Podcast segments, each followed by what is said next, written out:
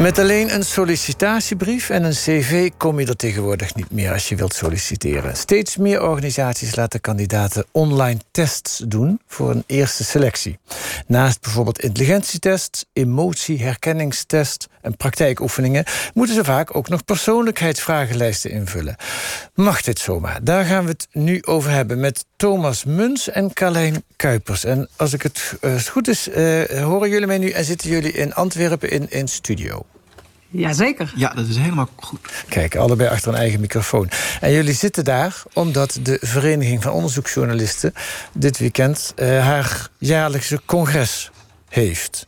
Jazeker. Uh, en Thomas, ik begreep dat jij net een presentatie hebt gegeven over Investico, waar jullie allebei van zijn. Leg even kort aan de luisteraar uit, dat heb je in de presentatie net ook gedaan, dus dat moet lukken. Wat is Investico?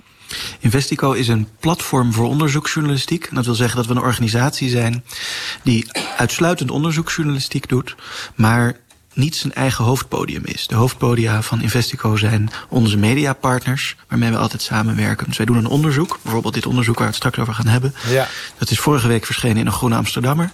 Nu maken we met Argos een uitzending. Vaak werken we ook samen met Trouw. Um, en zo zijn er allerlei media waarmee we samenwerken. Ja, de Argos-luisteraar kent jullie ook uit eerdere onderzoeken. Um, je hebt net de presentatie gegeven, een soort workshop is dat dan daar in Antwerpen. Mm -hmm. um, wat is je daarvan nou het meeste bijgebleven? Welke opmerking die je terugkreeg uit het publiek?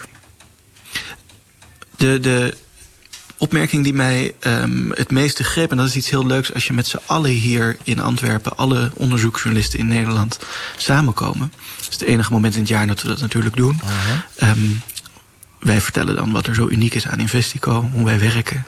En dan zitten er allerlei collega's die vragen: ja, wat, wat is er dan zo uniek aan? Dat doe ik toch ook? En wanneer doe ik dat dan? En je hebt een hele mooie, eigenlijk een uitwisseling van technieken, hoe je te werk gaat. Um, dus dat is me erg bijgebleven. De, de, de collega's. Ja. Um, ja.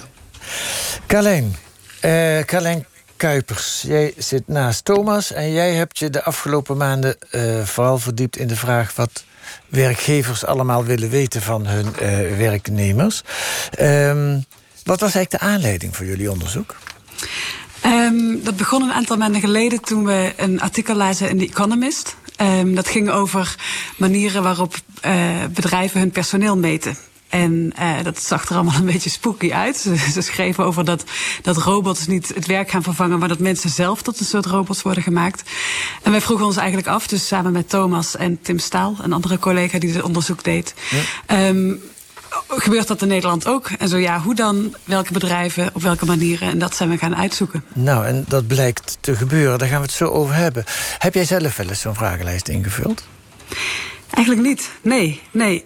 Um, tenminste, in mijn, in mijn sollicitaties niet. Ik heb ja. wel in het onderzoek dat we de afgelopen maanden deden, werden we natuurlijk benieuwd naar die vragenlijsten. Dus um, ik heb samen met, uh, met mijn collega's één vragenlijst ingevuld. Ja.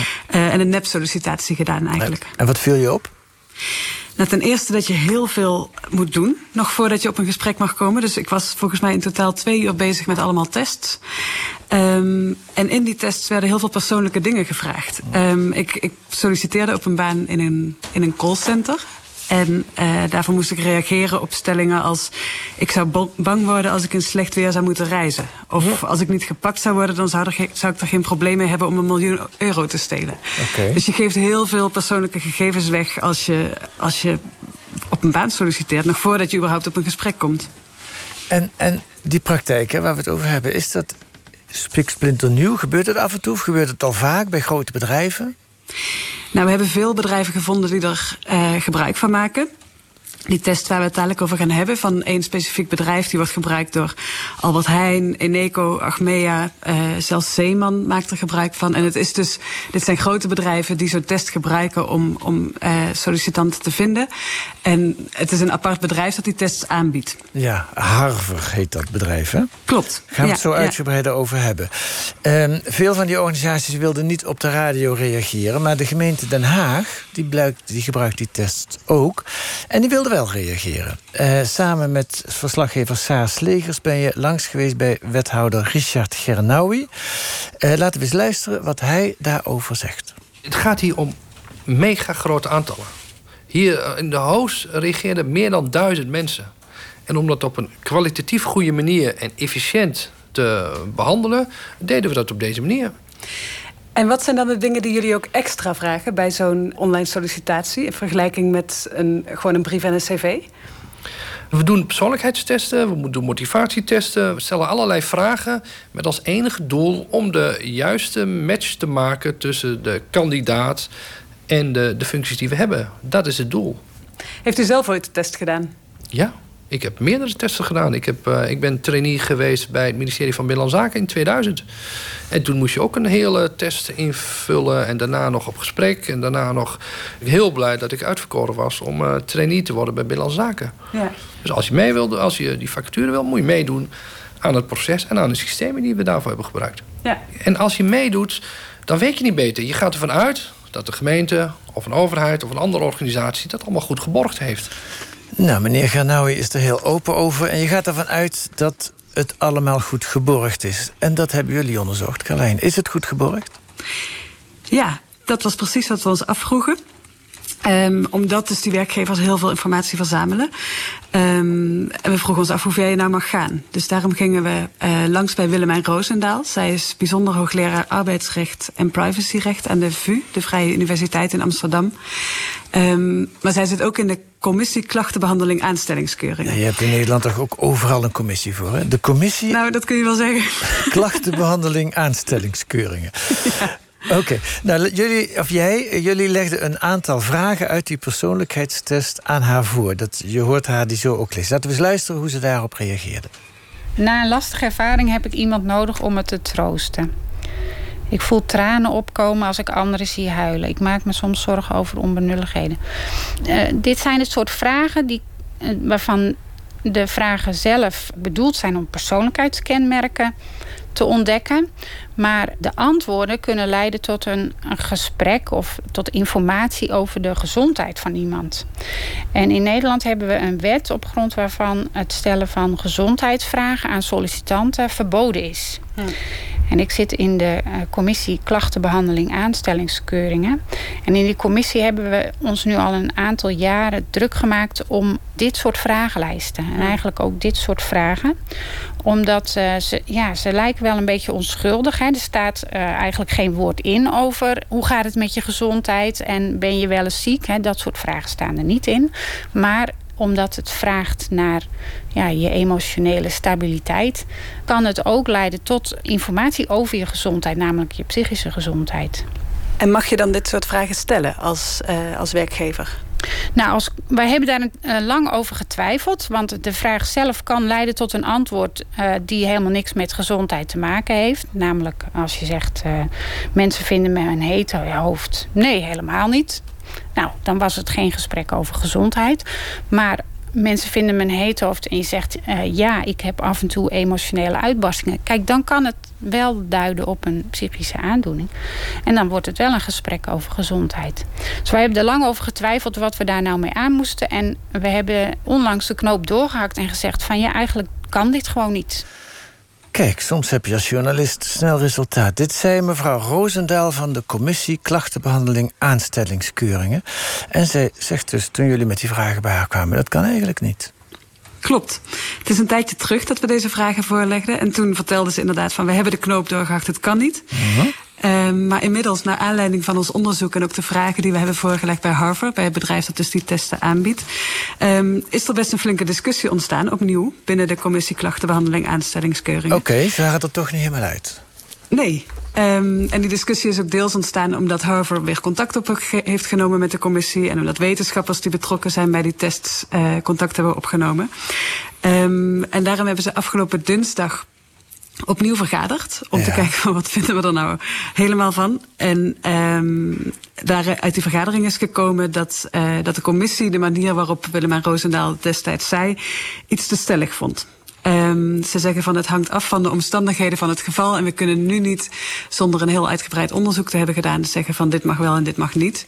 Okay. Um, het blijft een... wel dat ze zich zorgen maken. En Willem Roosendaal ja. staat ook nog steeds wel achter de uitspraken, maar dan meer op persoonlijke titel. Het is uh, working in progress, uh, zou je kunnen zeggen.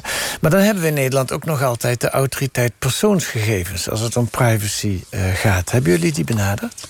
Ja, dat hebben we ook gedaan. Wat zeggen die? Ehm, je ziet dat daar de discussie een beetje aan het schuiven is. In 2015 was er voor het eerst een uitspraak van uh, de Europese werkgroep over privacy, waar dus alle autoriteiten persoonsgegevens uit alle Europese landen samenkomen. Zij zeiden toen in 2015 voor het eerst van emotietests en IQ-tests, uh, dat zijn gezondheidsgegevens. En uh, daarom mag je die dus eigenlijk niet vragen in de sollicitatieprocedure als, als een sollicitant niet nee kan zeggen. Als hij verplicht mee moet doen met zo'n uh, met zo'n test om, om te kunnen solliciteren. Uh-huh. Um, we hebben het ook voorgelegd nu aan de autoriteit persoonsgegevens, wat zij van deze specifieke vragen vonden. Um, en zij zeggen dat je niet in zijn algemeenheid kan concluderen dat psychische gegevens altijd gezondheidsgegevens zijn, maar dat je dat per geval moet onderzoeken. Ja, ja, uh, Dus ook daar zie je wat vaagheid en wat verschuiving ja. in, de, in de discussie. Ja, ik heb nog niet het gevoel dat er echt krachtdadig wordt opgetreden. Men zoekt. Ja, precies. Ja, ja. Um, jullie zijn nog een tweede keer bij mevrouw Roosendaal langs geweest... Uh, om, om te kijken uh, uh, wat de risico's zijn van... Of was, of was het, is het, was, dus... het ja, het was hetzelfde gesprek. Oh, Oké, okay, dus dat is ja. nog niet haar nieuwe standpunt. Laten we even gaan luisteren naar waar, hoe ze in dat eerste gesprek... de risico's van, van, van dit soort vragen bij sollicitaties omschrijft. We hebben het besproken en we konden ons wel op heel veel punten kon iedereen zich vinden in dat er toch zeker uh, deel van de assessment uh, onderzoeken dat dat gezondheidsonderzoeken zijn. Maar een aantal leden vonden de stelligheid waarmee ik dat dan in het interview zeg een beetje te ver gaan. Die zeiden ja, het moet toch wat genuanceerd worden, want het hangt ook af van de omstandigheden van het geval. Ja ja, ja. Dit is toch van na het, uh, het uh, interview. Uh, ja, dit is eigenlijk waar we het net al over hebben ja, gehad. Dat ja, zij inderdaad ja, zei van we hebben binnen, de, dus binnen de commissie opnieuw overlegd. Ja, en er groeit ook twijfel bij sommige werkgevers. Hè. Las ik Amazon.com, die, die is terug aan het komen van haar plannen. Eneco, vertel eens. Ja, we hebben dus uh, een aantal werkgevers die de tests gebruiken gevraagd. Van, en dat, dat was nog toen we in de veronderstelling waren dat de commissie best wel hard was ja. over dat het niet mocht. Ja. Um, uh, Eneco zei in een reactie van we gaan onderzoeken of, uh, of dit wel allemaal kan. En als het niet kan, dan, dan gaan we die tests aanpassen. Ja. Um, we hebben het ook aan de gemeente Den Haag gevraagd. Ja, ja, ja en dat uh, wethouder Geranawi die heeft daarop gereageerd. En wat zei hij? Nou, kritiek is altijd goed en ik zie het meer als een, uh, als een advies. En als een uh, gratis advies. Aangezien wij een uh, overheid zijn en ons aan de wet moeten houden, gaan we daarin duiken om te kijken of dat zo is. En als dat zo is, dan gaan we dat veranderen. Want dat is natuurlijk niet de bedoeling. We willen gewoon selecteren op een nette, keurige manier. Hoe, hoe gaat u daarin duiken? het, is, het is nu uitgezet. De ambtenaren zijn ermee bezig om uh, te kijken hoe ze die uh, vragenlijst uh, eventueel moeten aanpassen... zodat dat probleem wat jullie hebben ontdekt gezien niet meer voordoet. En dat betekent dan een aantal vragen eruit halen of zo? Ja, dat kan. Als, dat, als het kan worden opgelost door een aantal vragen eruit halen, halen we een aantal vragen eruit. Als dat kan worden opgelost door een aantal andere waarborgen in te bouwen, doen we dat. En dan kunnen we verder met de goede selectie. Want daar gaat het uiteindelijk om op een nette en keurige, rechtmatige manier. Goed, tot zover over de sollicitatieprocedures. Journalistiek werk heeft zin, zou je kunnen zeggen, want er wordt nu uh, over nagedacht.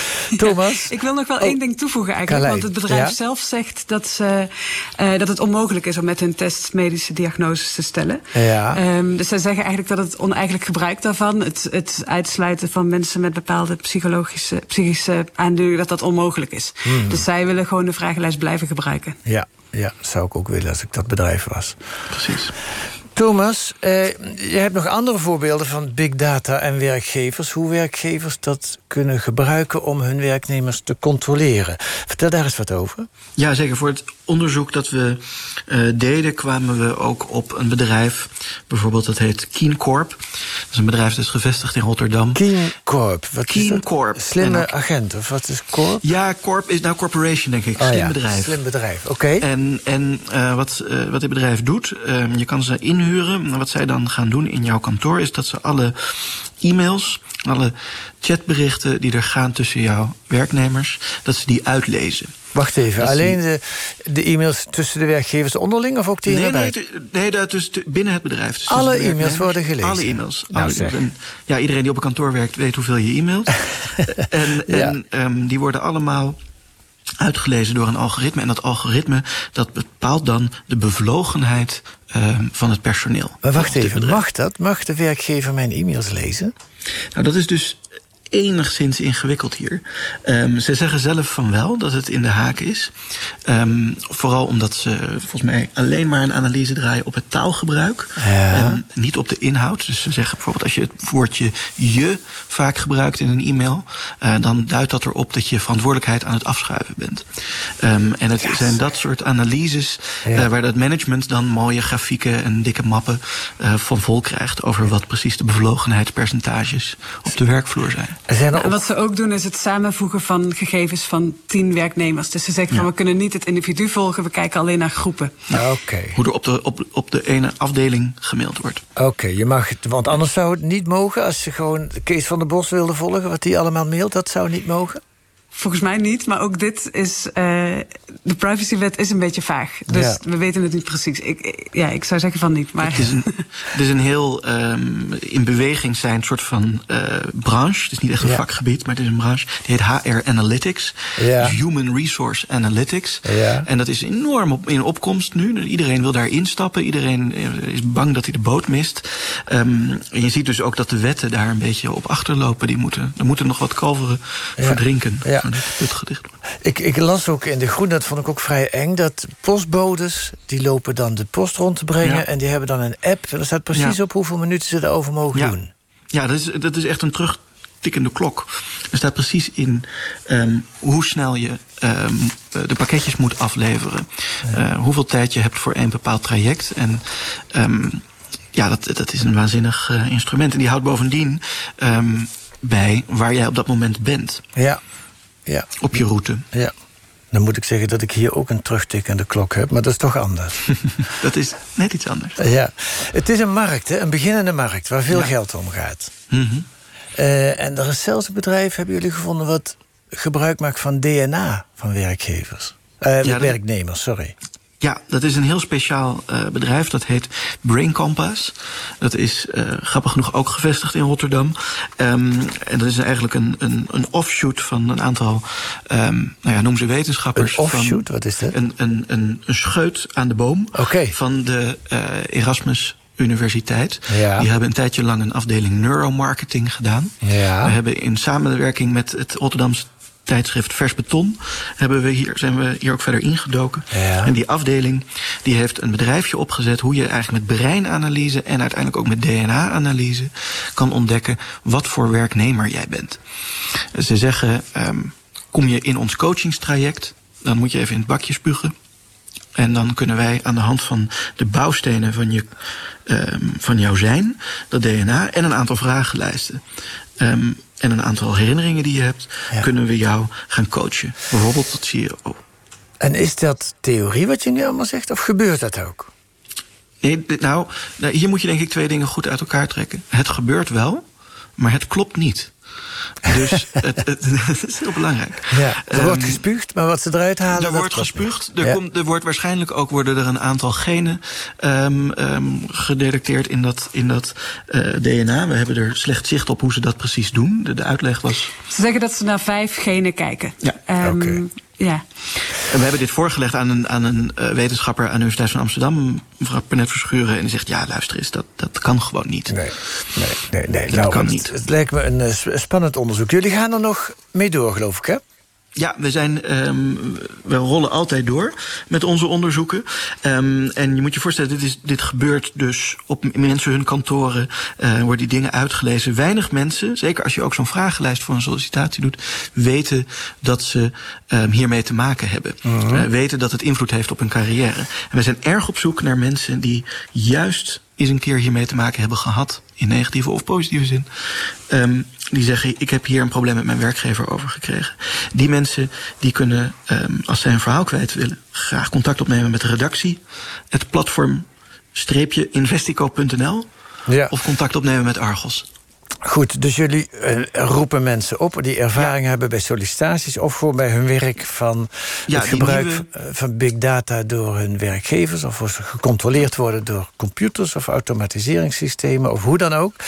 Eh, je kunt, eh, hebt u daar iets over te melden? Mail dan naar argos.vpro.nl. Dan zorgen wij dat het bij Investico terechtkomt.